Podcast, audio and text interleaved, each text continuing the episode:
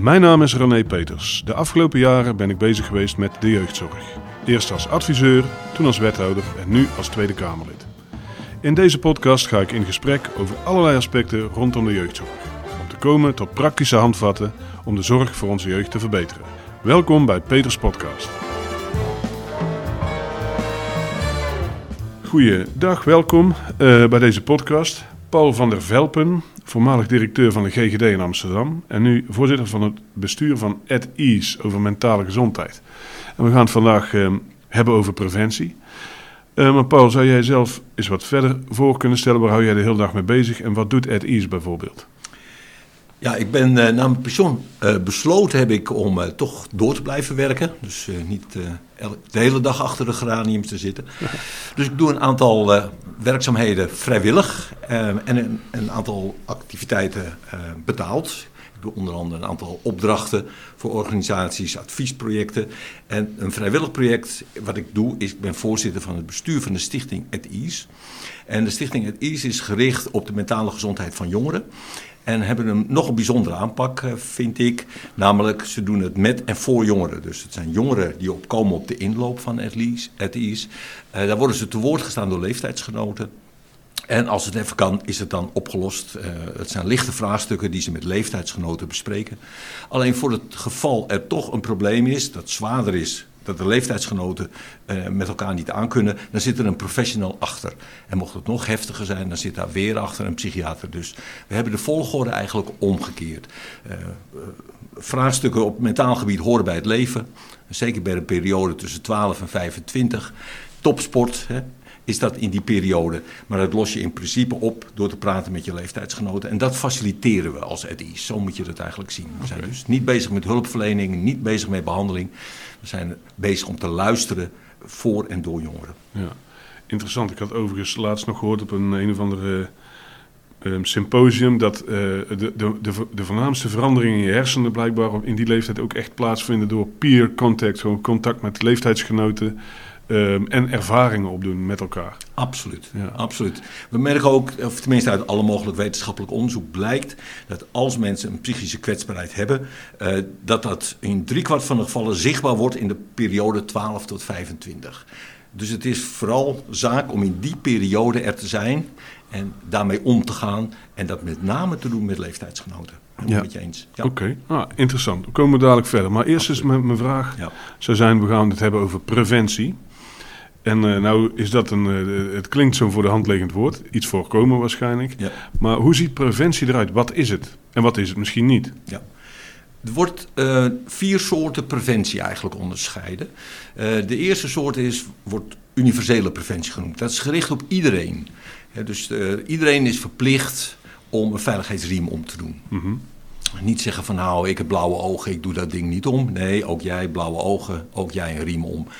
Uh, helm om, uh, op. Uh, dat zijn dus maatregelen gericht op iedereen. Bijvoorbeeld ook als we zeggen van nou, we, we, doen de, de, prijs van tabak omhoog, roken. Dan geldt het voor iedereen. En dat is universele preventie gericht op de hele bevolking. dan heb je preventie gericht op een risicogroep. Zeg je de mensen die lopen een verhoogd risico. Bijvoorbeeld als het gaat om roken, dan zeg je van nou, jongeren tussen de 12 en de 18, uh, ja, dat, is een risicogroep. Want als die eenmaal beginnen met roken, dan is de kans dat ze blijven roken groot. Dus die, die halen we er tussenuit. Uh, het kan ook zijn met uh, bijvoorbeeld bevolkingsonderzoeken. Dat je zegt, nou, vrouwen boven die leeftijd hebben een verhoogd risico op, op borstkanker. En die roepen we op voor, voor, voor, dat, voor, die, voor die screening. Mm. Maar selectieve preventie is gericht op een bepaalde uh, risicogroep. Dus, en dan heb je individuele preventie. En dat wordt in Nederland betaald meestal door de zorgverzekeraar, maar dat is gericht op een individu. Uh, Paul van der Velpen is te dik, hij heeft obesitas. Uh, die gaat naar de huisarts en de huisarts die adviseert hem wat te doen. Maar dan, is er dus, dan hangt er dus een naam aan, een individu. En dan heb je een vierde soort preventie en dat is zorggerelateerde preventie. Oftewel, jij moet geopereerd worden. Je bent dus al in zorg. Mm -hmm. dus, maar bijvoorbeeld door een bepaald programma te volgen... Um, uh, is de kans op complicaties tijdens de operatie is minder groot.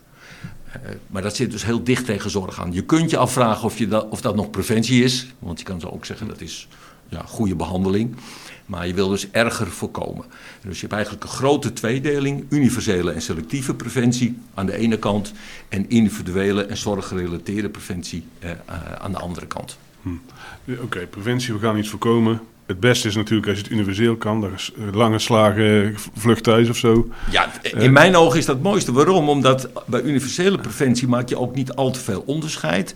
En um, komt het ook bij iedereen terecht. Terwijl met die andere vorm van preventie loop je het risico dat het vooral bij de hoogopgeleide pipo's terechtkomt. Ja. En uh, dat je dus delen van je bevolking die je juist mee wil krijgen, dat je die mist. Dus als het even kan, probeer ik altijd in te zetten op universele preventie. Oké, okay, dat is interessant ook als het gaat om, om jeugdzorg en je ziet waar landt dit nu echt. Dan uh, ligt de zorgtrajecten voor rijke kinderen. Ja, het is heel naar om te zeggen, maar Terwijl je er eigenlijk uh, kinderen met relatief zwaardere problemen beter zou willen helpen. Dat is je wens, ja. Dat is onze wens, oké. En nu, uh, nou, nu hebben we uh, preventie en geestelijke gezondheid. Is er dan zoveel mis eigenlijk, of mentale gezondheid zei Is er nou zoveel mis met de mentale gezondheid van onze, onze jeugd oh, eigenlijk? nee, een fantastische vraag. 1 op de 7 jongeren op dit moment heeft contact met jeugdhulp. Dat was vroeger 1 op 21. Nou, je maakt mij niet wijs dat er in, in een paar jaar, echt nog geen 10 jaar, uh, het zoveel slechter is gegaan met de Nederlandse jeugd. Daar geloof ik helemaal niks van. In mijn ogen hebben we alleen een heel gek systeem met elkaar gemaakt. De afgelopen jaren. Met elkaar. Hè. Ik zeg niet dat het één... Nee, we waren er allebei bij. We waren er allemaal bij. Uh, Maar het, het, resultaat is dat in mijn ogen veel te veel jongeren in de jeugdhulpverlening terecht zijn gekomen. En wat zie je dat gebeurd is? Um, er zijn heel veel jongeren met lichte problematiek. Uh, in de jeugdhulpverlening terechtgekomen. En die worden daar te lang vastgehouden. Eigenlijk is een flink deel van die lichte problematiek had moet daar helemaal niet komen. Dus dat is ook natuurlijk mijn, uh, mijn verhaal van probeer nou aan die voorkant een aantal voorzieningen te creëren waar mensen met lichte hulp met elkaar in gesprek gaan, uh, erger wordt voorkomen, uh, waardoor die mensen niet instromen in de hulpverlening en de behandeling. En er capaciteit overblijft voor de mensen die echt de hulp nodig hebben. En daar moet je dus snel bij zijn, daar moet je vroegsignalering op zetten. Maar dat is maar een, eh, een relatief klein groepje. Ja. dus wat, het trieste wat dus nu in ons stelsel gebeurd is, is dat veel te veel jongeren, gezinnen, hè, het zijn niet alleen jongeren, het zijn ook de gezinnen die daaraan vastzitten, in de jeugdhulpverlening terecht zijn gekomen, daar in mijn ogen te lang worden uh, zitten. En daardoor is het systeem zodanig verstopt dat de kinderen, gezinnen die het echt nodig hebben, een dik probleem hebben. Een dik probleem hebben. Hmm. Ja.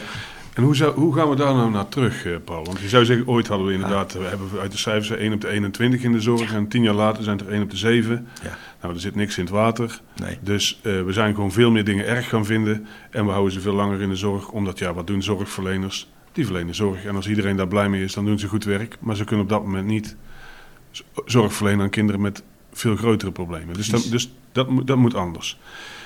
In het kader van preventie, hoe ga je dit dan terugbrengen naar uh, nou ja, normaliseren, uh, universele preventie het liefste? Hoe, voorkomen dat die, uh, laten we zeggen, ook al ben je, is het kleine zorg het liefste, voorkom ik voor iedereen dat ze mentale problemen hebben bijvoorbeeld? Absoluut. Hoe maar gaan we dat doen? Ze, ze, nou, mijn idee zou het volgende zijn, René. Er loopt een programma op dit moment, het heet Kansrijke Start. Mm -hmm. Mooi programma is, is, is VWS gestart. En daar doen heel veel partijen aan mee. De, de jeugdgezondheidszorg, de geboortezorg. En dat is gericht op de periode van conceptie, eh, de eerste duizend dagen, totdat een kind twee jaar is. En de bedoeling is in dat programma, wat door VWS landelijk wordt aangestuurd, uh, dat lokaal alle de betreffende partijen, geboortezorg, jeugdgezondheidszorg, op elkaar, uh, met elkaar samenwerken. Mhm. Alleen wat je ziet, mooi programma, maar de, je kunt daar een flinke verbeterslag op maken. Mhm. De eerste verbetering zou zijn om het programma dat nu loopt van 0 totdat het kind 2 is, te laten lopen van 0 totdat een kind 4 is. Want dan heb je de hele voorschoolse periode te pakken. Een tweede verbetering zou zijn in dat programma, is dat je een aantal onderdelen, preventieve onderdelen, die effectief zijn in de praktijk gebleken, dat je die in elke gemeente aanbiedt. Bijvoorbeeld, er is een programma dat heet Nu Niet Zwanger, of er is een programma de Voorzorg. Dat zijn programma's gericht op kwetsbare uh, gezinnen of kwetsbare uh, ouders. En, uh, maar die programma's worden niet in elke gemeente aangeboden. Nu niet zwanger wordt aangeboden in de helft van de gemeentes. Voorzorg wordt aangeboden in misschien 100 van de 345 gemeentes. Nou, dat betekent dat er dus in dat programma Kansrijke Start zitten er dus gaten. Dat wordt dus niet overal aangeboden. En dan krijg je een hele merkwaardige situatie. Bijvoorbeeld toen ik directeur was van de GGD in Amsterdam, dan werd, werd voorzorg aangeboden. Maar als een tienermoeder voorzorg kreeg aangeboden en ging verhuizen naar een gemeente waar voorzorg niet werd aangeboden, dan kreeg ze dat dus niet meer. Nou, dat zouden wij in de normale gezondheidszorg heel raar vinden. Jij bent diabetes type, jij hebt diabetes type 2, je spuit insuline, jij verhuist. En ze zeggen in Harderwijk, Geen insuline. Peters, dat hebben we hier niet ingekocht. Nou, dat is dus in, de, in preventielandschap is dat normaal. Dus er zijn in het programma Kansrijke Start heel veel mooie onderdelen. Alleen die worden niet in elke gemeente aangeboden. Ja, dan krijg je gatenkaas. Ja. Maar je zit eigenlijk van de universele preventie. Nou, dat is dit dan eigenlijk. Hè? Dan, dat heet een beetje de basis op orde. Er zijn dingen die voor alle kinderen moeten werken. Oh, dat is een consultatiebureau. eh, Precies. ehm, dat soort dingen. Hè? Dus Ja. hele eh, normale dingen. Die zijn niet bij, of ja, dat dan wel, consultatiebureau wel. Maar niet al die dingen die bewezen effectief zijn, worden overal ingezet. Nee. Dus jij zegt, als we nou echt preventie willen doen, het goedkoopste en het makkelijkste is lange slagenvlucht thuis, universeel voor iedereen. Dat betekent de basis op orde. Dit is het pakket en dat zou iedere gemeente moeten doen. Precies. Moeten doen. En dan kan een gemeente daar een beetje in variëren. Hè. Die zegt bijvoorbeeld het, eh, een programma als Homestart. Dan worden gezinnen geholpen door vrijwilligers. Er zijn ook andere programma's die lijken er een beetje op. Buurtgezinnen, steungezinnen. Nou, dan zeg je van oké, het hoeft niet per se homegezinnen te zijn in Harderwijk. Die mogen ook steungezinnen. Maar het feit dat vrijwilligers een gezin helpen, die functie moet in elke gemeente beschikbaar zijn. Dus je spreekt met elkaar af, die functies moeten allemaal in elke gemeente beschikbaar zijn. Er zit een kleine speelruimte, de ene gemeente doet dit en dat. Maar het pakket moet wel beschikbaar zijn. Ja. En eh, ja, ik denk dat als, als we dat zouden doen, dat pakket wat nu in kansrijke start wordt genoemd, maar niet beschikbaar is overal, eh, aanbieden in elke gemeente en dat in de periode 0 totdat het kind 4 is, nou, dan maak je al een fikse slag. Ja. Dan maak je fikse slag, oké. Waarvan één ding is inderdaad, ehm, als we risicofactor pakken, dan is het, het netwerk is niet, niet, is niet zo op orde van Klopt. mensen. Dus we zeggen dan, ehm, nou, daarvoor hebben wij dan ehm Homestart. Homestart, Bijvoorbeeld, precies. we maken een analyse welke problemen kunnen mensen hebben. Bestaanszekerheidsproblemen, gebrek aan Ja. eh, een werkend netwerk, een steunend netwerk. Nou, eh, al dit soort die problemen, daar zijn oplossingen voor. Die zitten in een standaard pakket, wat overal beschikbaar zou moeten zijn. precies.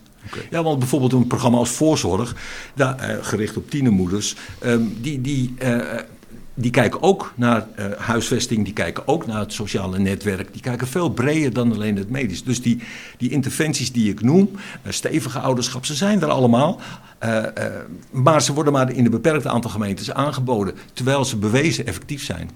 En ze zijn niet duur. Ze zijn lang. Kijk, dat is natuurlijk een beetje triest. Ehm, ik, ik ben betrokken bij een aantal van die preventieve interventies. En dan praat ik met gemeentes. Ze zeggen ze: Ja, Paul, eh, dat zijn interessante programma's. Ja, we zouden het ook wel willen doen. Maar we hebben geen geld, want dat steken we in jeugdzorg. Dus we zijn in een hele gek dilemma, eh, eh, ja, klem met elkaar gekomen. We steken nu zoveel geld aan die achterkant dat we geen geld meer hebben. Hè, hoeveel gaat er naar die achterkant in de jeugdzorg? 1,2 miljard of zoiets. En dan zitten we nu te praten dat er meer geld bij moet. In mijn ogen zou er dus misschien wel minder geld moeten, maar dat moet aan de voorkant worden geïnvesteerd. In effectieve interventies. Dus niet in klankschalen en, en paardenknuffelen en, en noem maar op. Nee. In effectieve interventies die beschikbaar zijn, maar niet overal worden aangeboden. En daarvan zeg je, dat zijn dingen die zijn essentieel voor sommigen, maar goed voor iedereen. Dus eh, we gaan van individuele zorgtrajecten achteraf naar wat essentieel is voor sommigen is goed voor iedereen. Dus we gaan dat voor iedereen eh, inkopen, regelen. En dan zijn dan interventies op het gebied van bestaanszekerheid, wonen, ondersteuning. Nou, fijn, die dingen zijn, Opvoedingsvaardigheden. opvoedingsvaardigheden, die zijn, netwerk. eh, die Ja. zijn dan, eh, Ja. dan bekend. Ja. En ehm dat, zijn die universele dingen. Heb je nog voorbeelden waar je denkt van, hier, je zou ook nog iets, een vraag kunnen stellen over bepaalde risicogroepen bijvoorbeeld, als je het hebt over... eh, Ja, die zitten daar ook wel in hoor. Dus dat is wel grappig. De, de, de, de Raad eh, voor de Volksgezondheid, eh, de, nee, de Gezondheidsraad heeft in 2018 een rapport uitgebracht. En daar hebben ze een aantal interventies op een rij gezet. Die eh, voor mensen zijn met te weinig opvoedingsvaardigheden. En ehm, die hebben gezegd, nou, dat moet je, hè, er zit dat Homestart zit daarin, voorzorg zit erin. Dus die programma's, zijn door de gezondheidsraad geadviseerd. Nou, meestal als de gezondheidsraad iets adviseert, wordt het eh, vrij aardig snel aangenomen. Alleen dit rapport is in een hele diepe laan verdwenen volgens mij. Maar die adviseren dus een aantal interventies, biedt dat nou aan. Maar zeggen zij, biedt dat niet alleen aan aan die risicogroep, maar ook ouders die erom vragen. Dus als ouders zeggen, ja, maar ik, hoe doe je dat nou met die huilbaby? Hoe doe je dat nou met, uh, et cetera? Biedt die dan ook dat gewoon aan. Ga dan niet indiceren. Ga dan niet zeggen, nou, je moet eerst een test doen en dan mag... Ga er nou vanuit dat als mensen uh, gemotiveerd zijn om die cursus te volgen, biedt ze dat dan ook gewoon aan. Ja.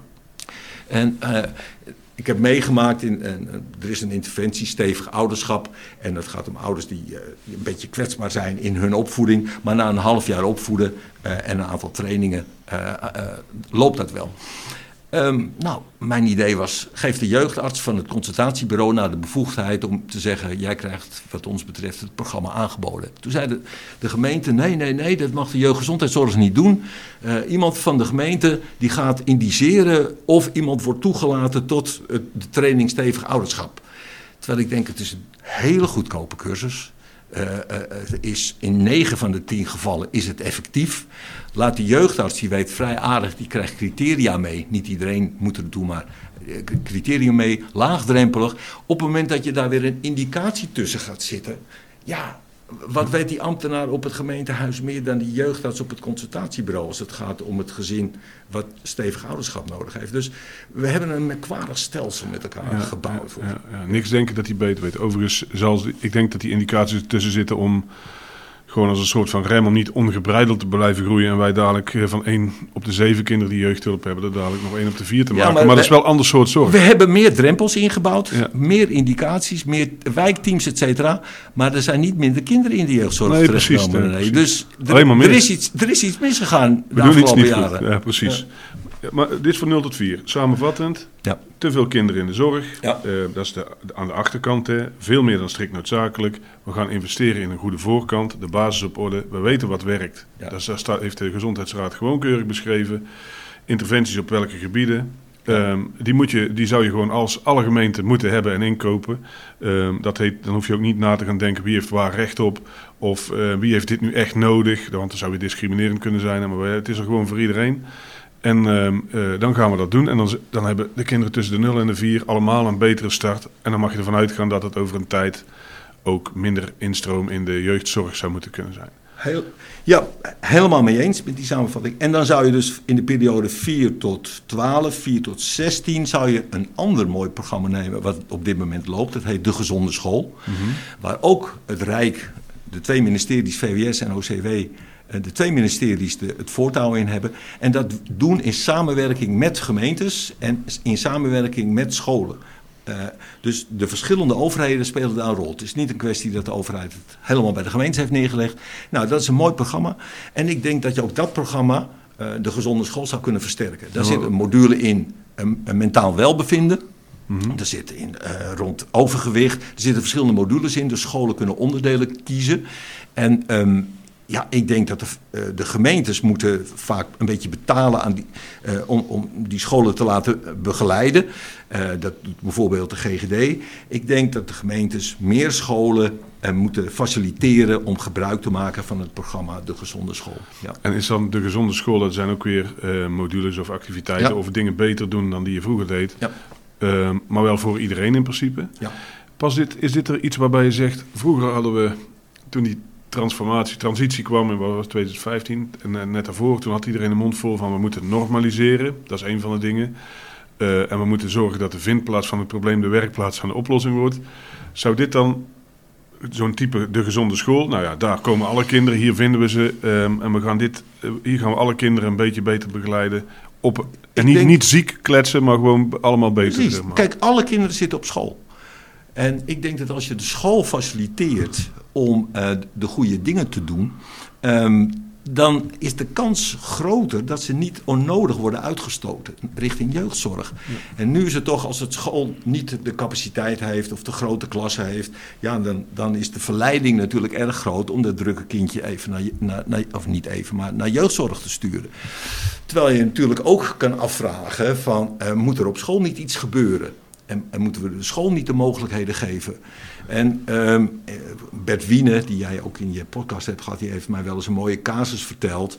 Dat, die kreeg op een gegeven moment te horen dat een leraar aan het klagen was dat er twee of drie drukke kinderen waren in de klas. En toen zei Bert, ja, wat vond die leraar waar ze vorig jaar in de klas zat, nou, daar nou van?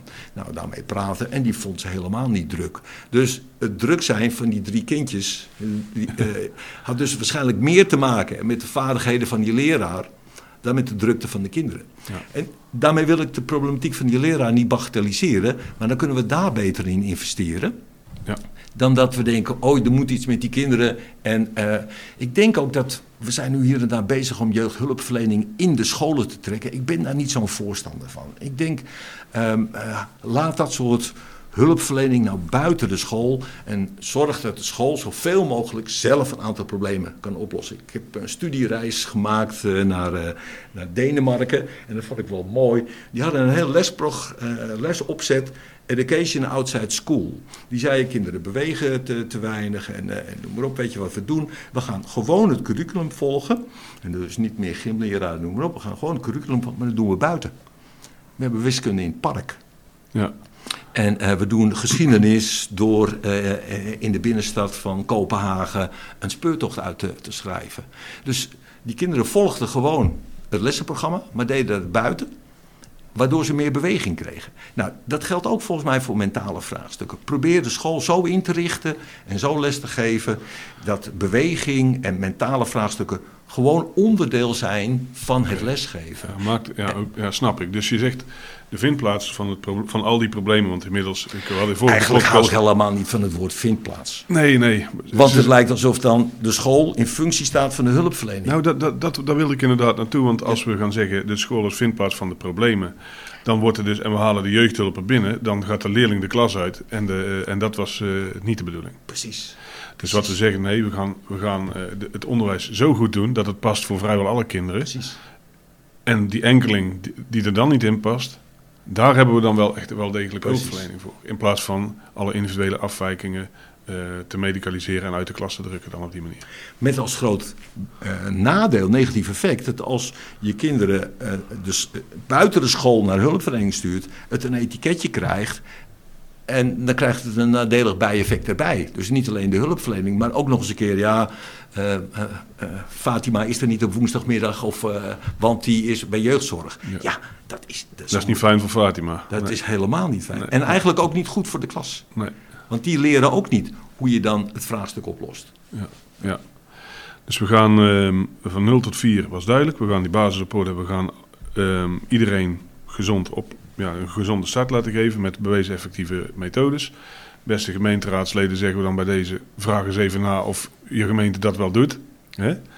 Ja, niemand kan het zien, maar je knikt, zo is het. Dus uh, de, de vraag die moeten we even adresseren. Doe je het niet, dan zeggen we, beste mensen, doe het wel. Want het gaat je geld opleveren, maar het gaat je veel menselijk leed besparen, wat nog veel belangrijker is.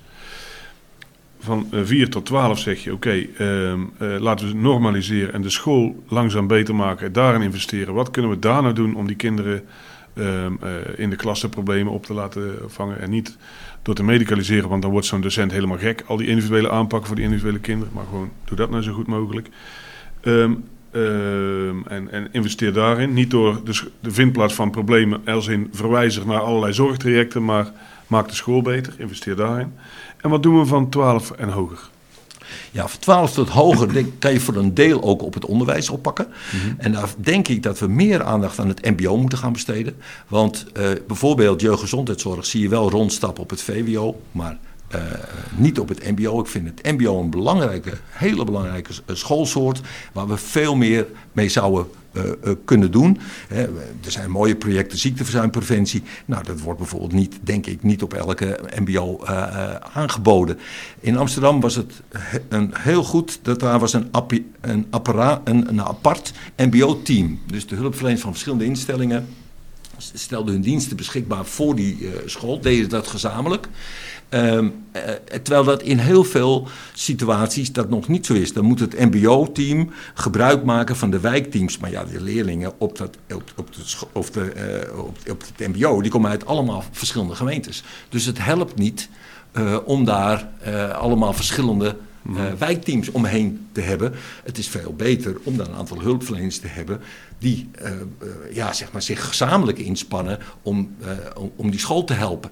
En ik denk dat, dat daar, zie je dus dat die gemeentelijke aanpak van de afgelopen jaren, alles decentraal naar gemeentes, gaat wringen met dat soort scholen. En ik denk dat we daar echt een andere opzet voor moeten gaan maken. School is dus belangrijk, ook in die periode, met name rond MBO, moeten we anders gaan structureren.